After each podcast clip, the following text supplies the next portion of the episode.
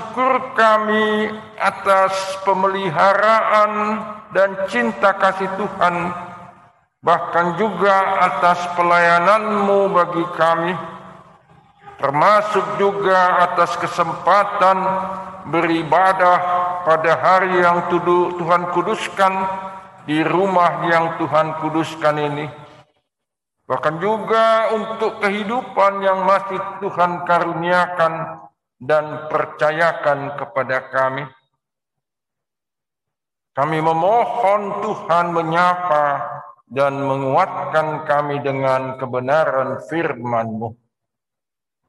Kami datang dan berada di dalam berbagai pergumulan, termasuklah wabah dan sakit penyakit yang masih menimpa dan melanda dunia ini termasuk negara kami dan kota kami. Tuhan kiranya menolong kami menang dalam segala pergumulan ini.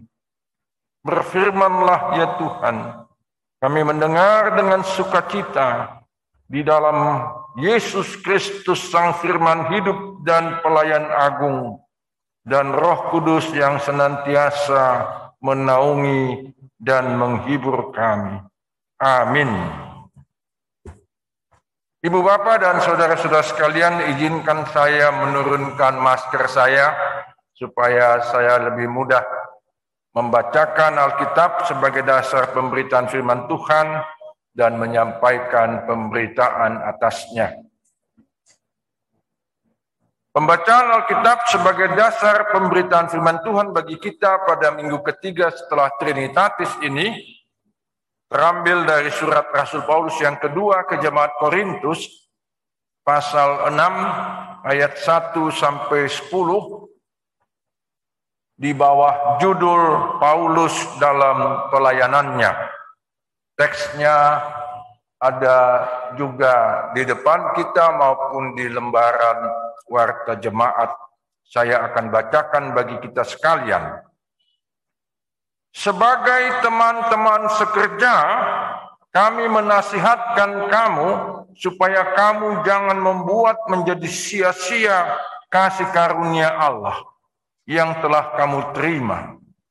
Sebab Allah berfirman, pada waktu aku berkenan, aku akan mendengarkan engkau dan pada hari aku menyelamatkan, aku menolong engkau.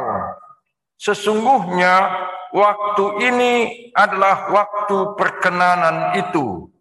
Sesungguhnya hari ini adalah hari penyelamatan itu. Dalam hal apa pun, kami tidak memberi sebab orang tersandung supaya pelayanan kami jangan sampai dicela. Sebaliknya dalam segala hal kami menunjukkan bahwa kami adalah pelayan Allah, yaitu dalam menahan dengan penuh kesabaran dalam penderitaan, kesesakan, dan kesukaran, dalam menanggung dera, dalam penjara dan kerusuhan, dalam berjeripaya, dalam berjaga-jaga, dan berpuasa. Dalam kemurnian hati, pengetahuan, kesabaran, dan kemurahan hati, dalam roh kudus dan kasih yang tidak munafik, dalam pemberitaan kebenaran dan kekuasaan Allah dengan menggunakan senjata-senjata keadilan untuk menyerang ataupun untuk membela, ketika dihormati dan ketika dihina, ketika diumpat atau ketika dipuji, ketika dianggap sebagai penipu namun dipercayai, sebagai orang yang tidak dikenal namun terkenal, sebagai orang yang nyaris mati dan sungguh kami hidup. Sebagai orang yang dihajar namun tidak mati. Dan sebagai orang berduka cita namun senantiasa bersuka cita. Sebagai orang miskin namun memperkaya banyak orang. Sebagai orang tak bermilik sekalipun kami memiliki segala sesuatu. Demikian pembacaan Alkitab. Ibu bapak dan saudara-saudara sekalian yang ada di ruang gereja ini termasuk saudara-saudara yang ada di balkon dan juga saudara-saudara yang ada di rumah atau di mana pun yang dapat ikut ambil bagian dalam ibadah kita pada pagi hari ini. Saya mau mulai dengan sebuah pertanyaan yang sangat sederhana. Siapakah di antara Bapak Ibu Saudara-saudara yang belum pernah ikut dalam pelayanan? Saya yakin semua kita pasti akan menyatakan saya bukan hanya pernah tapi juga terus dan akan selalu demikian. Baiklah. Tapi segera menyusul pertanyaan berikut. Apa yang dimaksud dengan pelayanan? Di manakah kita menjalankan pelayanan? Dan apa motivasi kita atau yang menggerakkan kita untuk melayani atau menjalankan pelayanan? Beberapa waktu yang lalu,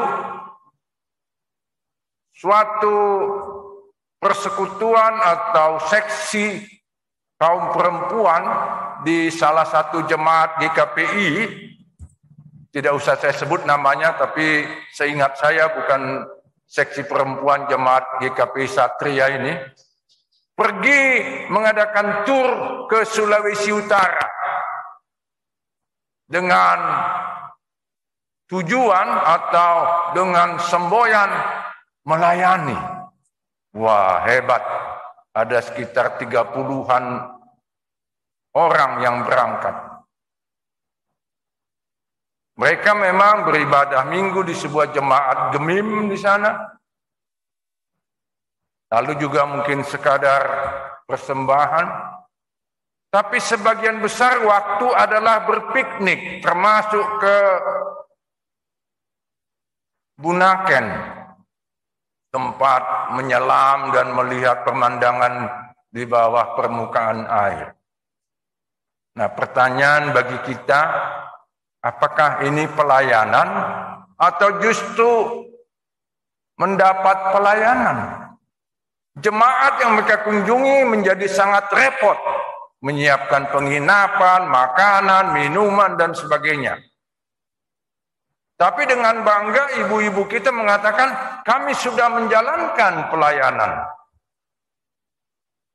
Ini bukan hanya dilakukan oleh seksi perempuan di jemaat yang tadi saya sebut itu, walaupun namanya tidak secara eksplisit saya sebut, tapi ini dilakukan oleh banyak orang Kristen, tapi bahkan juga yang bukan Kristen. Seringkali juga pelayanan dipahami secara sempit hanya di lingkungan gereja. Oh, tentu kita yang melayani di gereja juga melakukan itu dengan sukacita, entah sebagai pengkhotbah, sebagai liturgis, sebagai pembaca wakil jemaat, musikus, pengguna atau pengelola alat-alat rekaman dan alat-alat pemancar siaran dan sebagainya. Tetapi pelayanan tentu tidak hanya terbatas di lingkungan gereja saja. Yohanes Calvin mengatakan bahwa dunia ini bahkan alam semesta ini adalah teatrum gloria dei, panggung kemuliaan Allah yang di sana Allah juga melayani dan kita umatnya diajak juga untuk melayani. Ketika Bapak, Ibu, Saudara-saudara bekerja di sebuah instansi atau bahkan juga bekerja secara mandiri sebagai wirausaha, apalagi di zaman pandemi ini tiba-tiba banyak orang jadi pengusaha ya, pilot jadi pedagang mie ayam, dan sebagainya, itu juga adalah bagian dari pelayanan. Bahkan kita yang sibuk atau aktif di rumah masing-masing, Entah sebagai bapak, sebagai ibu, sebagai anak, juga itu adalah ruang pelayanan kita kepada orang tua kita, kepada anak-anak kita, kepada saudara-saudara kita, bahkan juga kepada sanak keluarga kita yang mungkin bergabung dengan kita di tengah-tengah keluarga kita. Yang juga tidak kurang penting untuk kita pikirkan atau kita jawab adalah apa motivasi kita. Ada banyak hal yang bisa mendorong kita untuk melaksanakan pelayanan. Pertama-tama tentu adalah ungkapan syukur kita kepada Tuhan yang sudah lebih dulu melayani kita. Di dalam bahasa Jerman, ibadah minggu seperti ini disebut Gottesdienst. Kalau dalam bahasa Belanda, Gottesdienst. Artinya pelayanan Tuhan. Di ibadah seperti ini justru Tuhan yang melayani kita, walaupun kita juga ikut ambil bagian dalam pelayanan Tuhan. Dan kita ikut ambil bagian justru didorong oleh motivasi atau pendorong untuk menyatakan syukur kita kepada Tuhan. Ada beberapa motivasi lain yang bisa mendorong kita di dalam Matius 20 28 dan Markus 10 45 Tuhan Yesus mengatakan karena anak manusia, pakai huruf besar, yaitu dirinya sendiri, datang bukan untuk dilayani, melainkan untuk melayani. Dan ini menjadi salah satu motif bagi kita, atau motivasi, yaitu untuk meneladani Tuhan Yesus. Kalau Tuhan Yesus saja sudah datang untuk dilayani, apalagi untuk melayani, maaf, apalagi bagi kita yang menjadi pengikutnya. Ada banyak lagi motif-motif yang positif. Tetapi ada juga motif-motif yang kurang positif. Termasuk dalam kehidupan bergereja. Saya beberapa kali diminta oleh sejumlah gereja ataupun jemaat untuk ikut menulis dalam buku peringatan ulang tahun atau jubileum mereka Lalu ditulislah macam-macam hal di situ. Lalu di satu ketika ada yang protes. Nama bapak kami tidak ada di buku ini. Bapak kami dulu yang mendirikan gereja ini. Dan seterusnya dan seterusnya. Di situ terlihat bahwa kadang-kadang ada yang ikut melayani entah di gereja di mana pun karena ingin dipuji, karena ingin dihormati, ingin dikenang namanya. Saya yakin paling tidak saya berharap di jemaat kita ini tidak ada orang yang ikut melayani didorong oleh motivasi untuk mencari pujian, penghargaan ataupun jabatan dan sebagainya. Nah ibu bapak dan saudara sekalian ketika kita melayani di mana pun pelayanan itu kita jalankan, apakah kita selalu dihargai dan dipuji? Apakah orang yang kita layani selalu mengucapkan terima kasih? Mestinya begitu ya, tapi sering kali tidak demikian.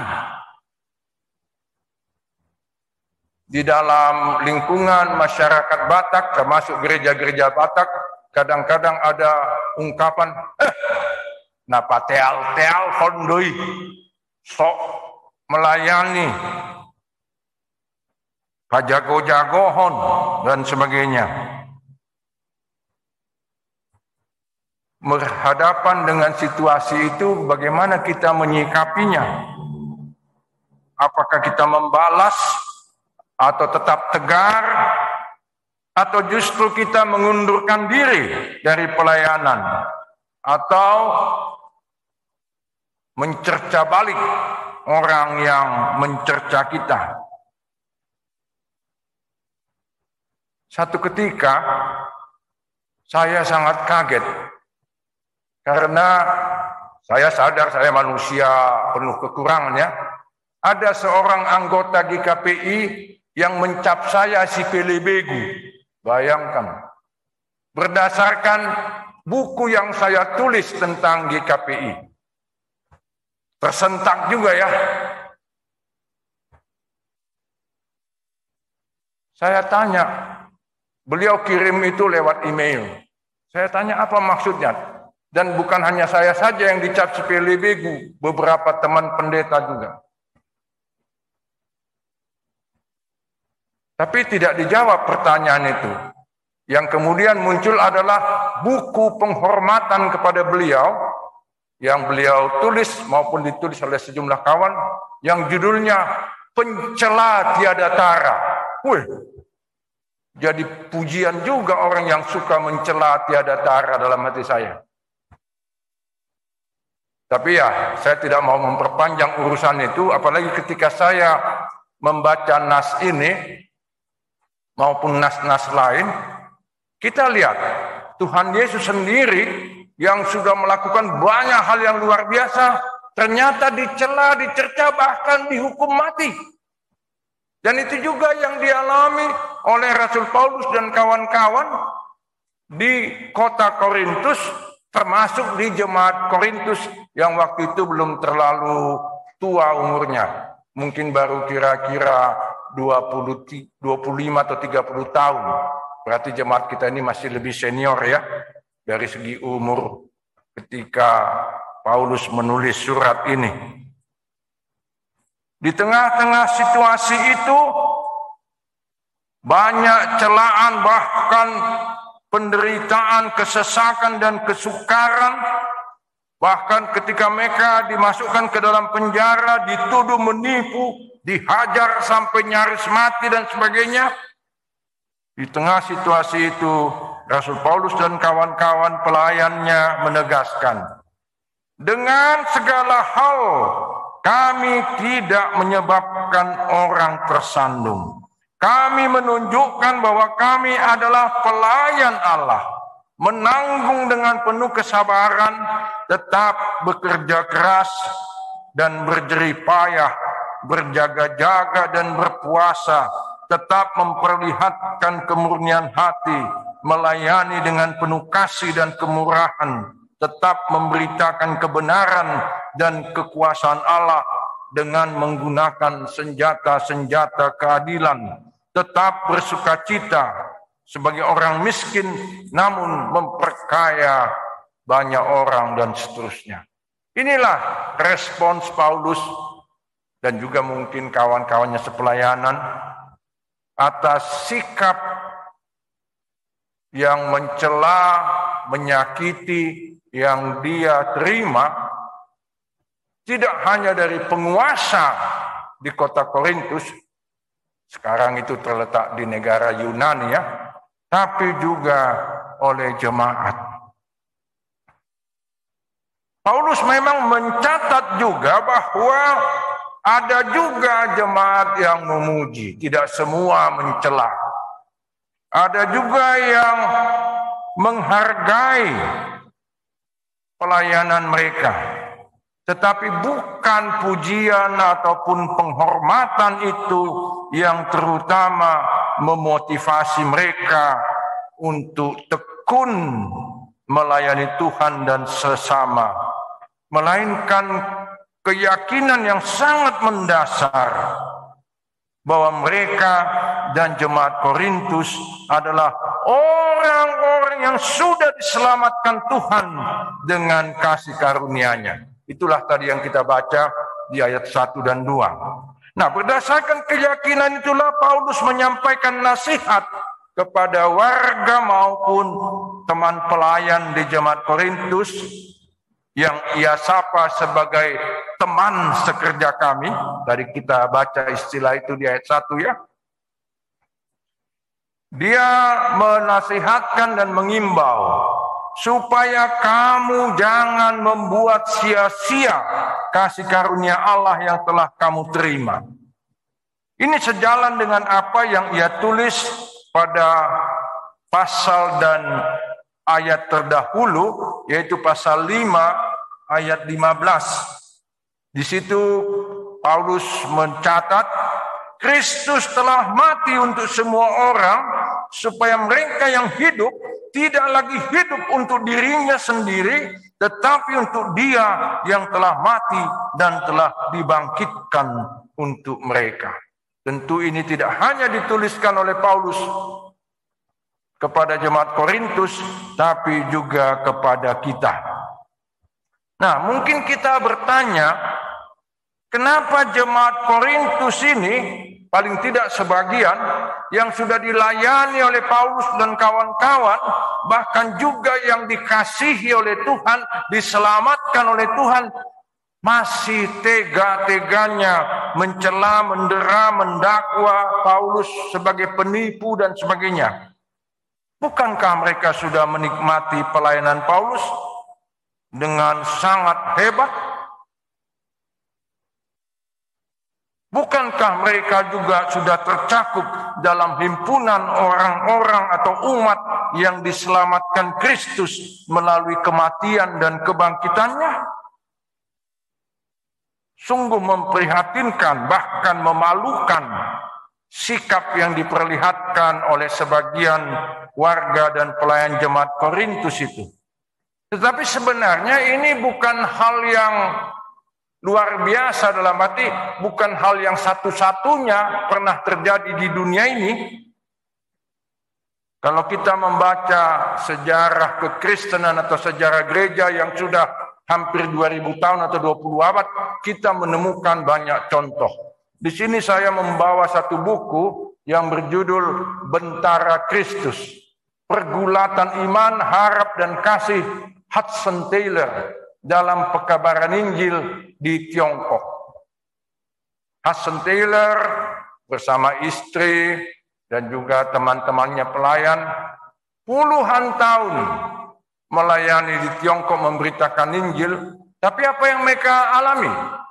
Masuk penjara, rumahnya dibakar, dan sebagainya.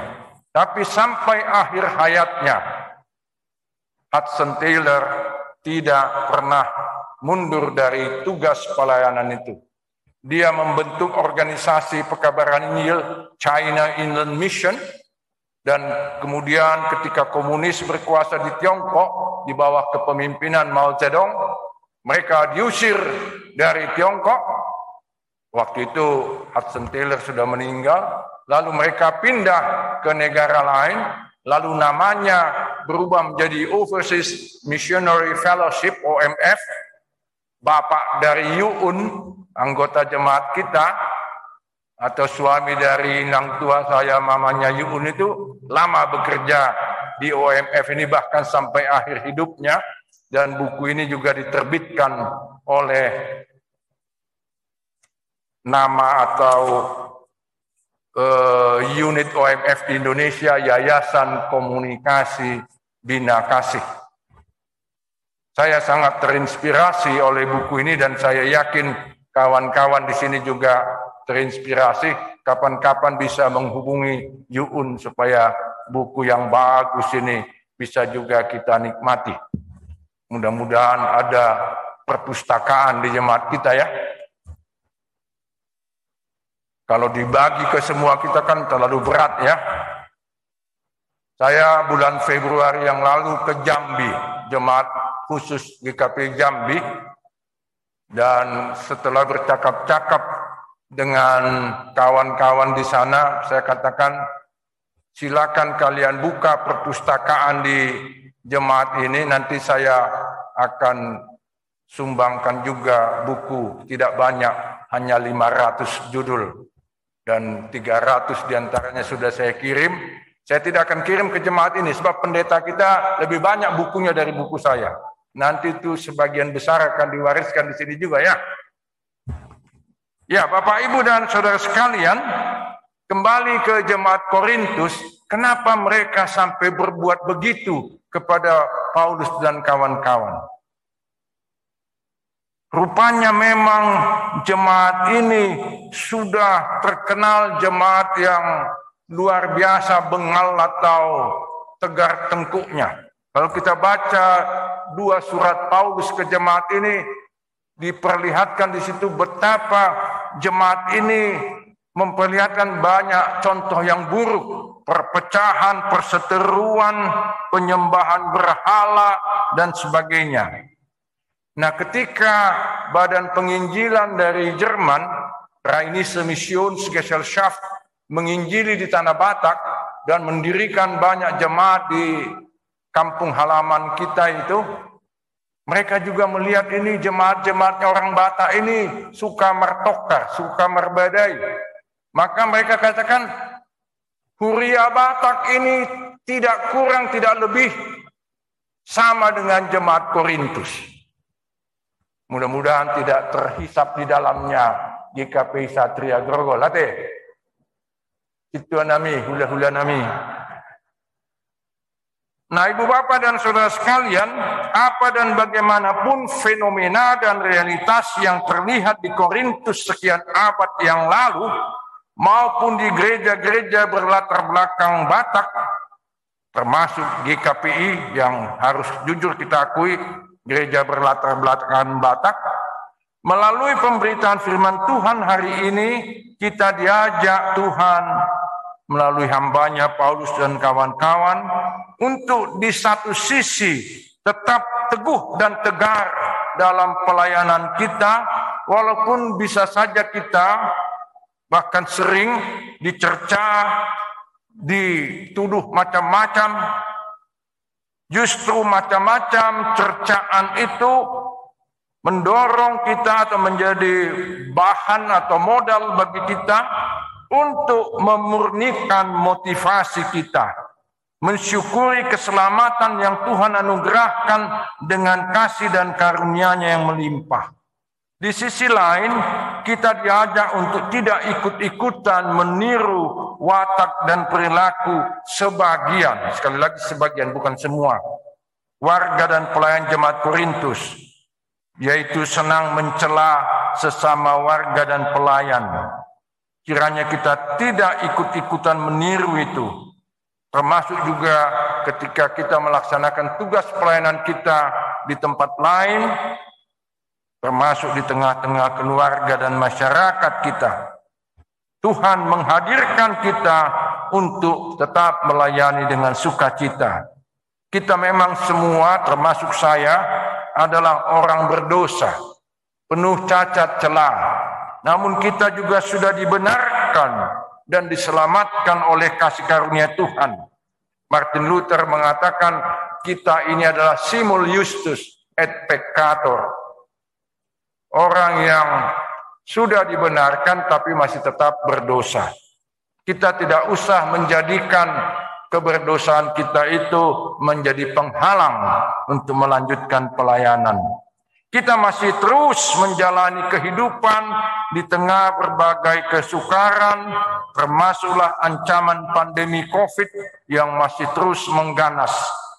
Di tengah-tengah situasi berat itu, sebagai kesatuan jemaat GKP Satria, di dalamnya lah para pelayan dan warganya, maupun sebagai individu, kita terus didorong oleh Tuhan melalui hambanya Rasul Paulus dan kawan-kawan untuk tetap melayani dengan penuh kasih dan sukacita sama seperti bahkan lebih dari yang sudah kita kerjakan selama ini.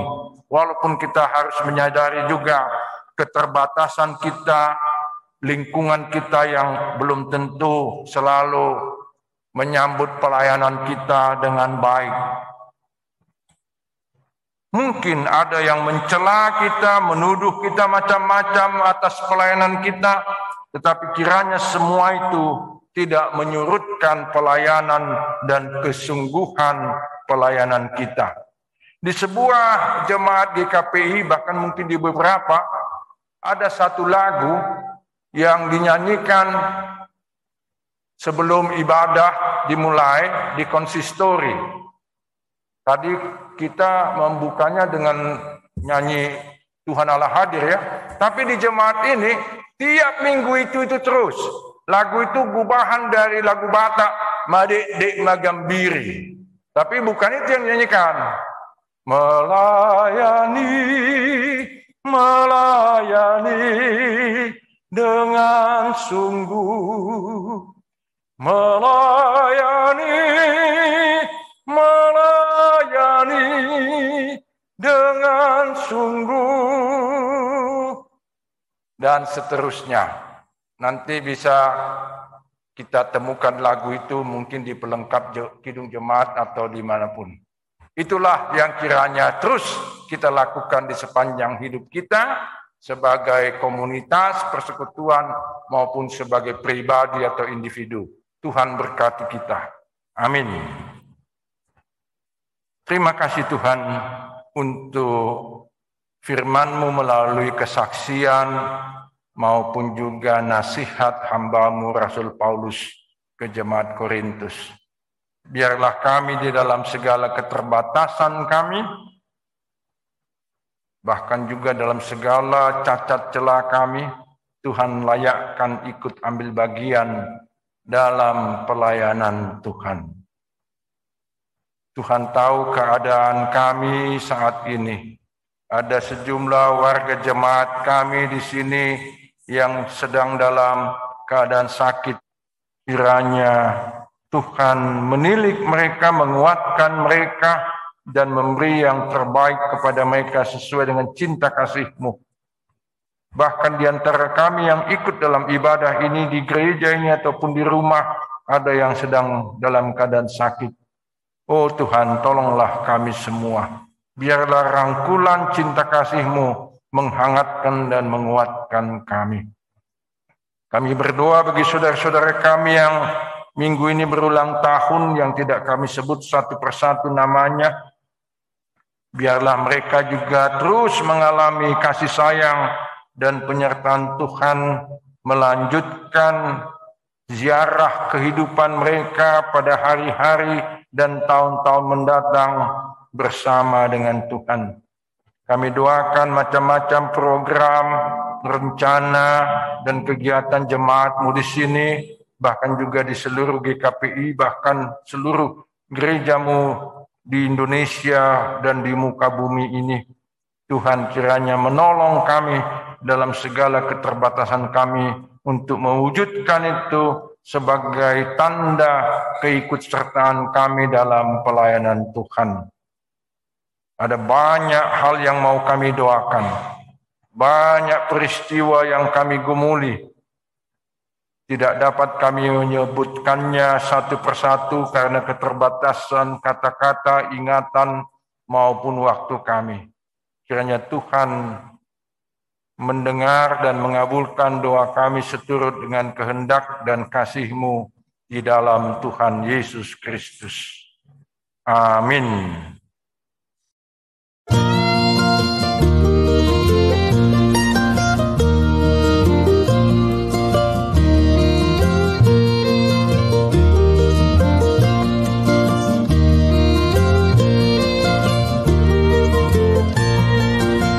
Dan S. Aritonang Official, Inspiration, Education, Collaboration.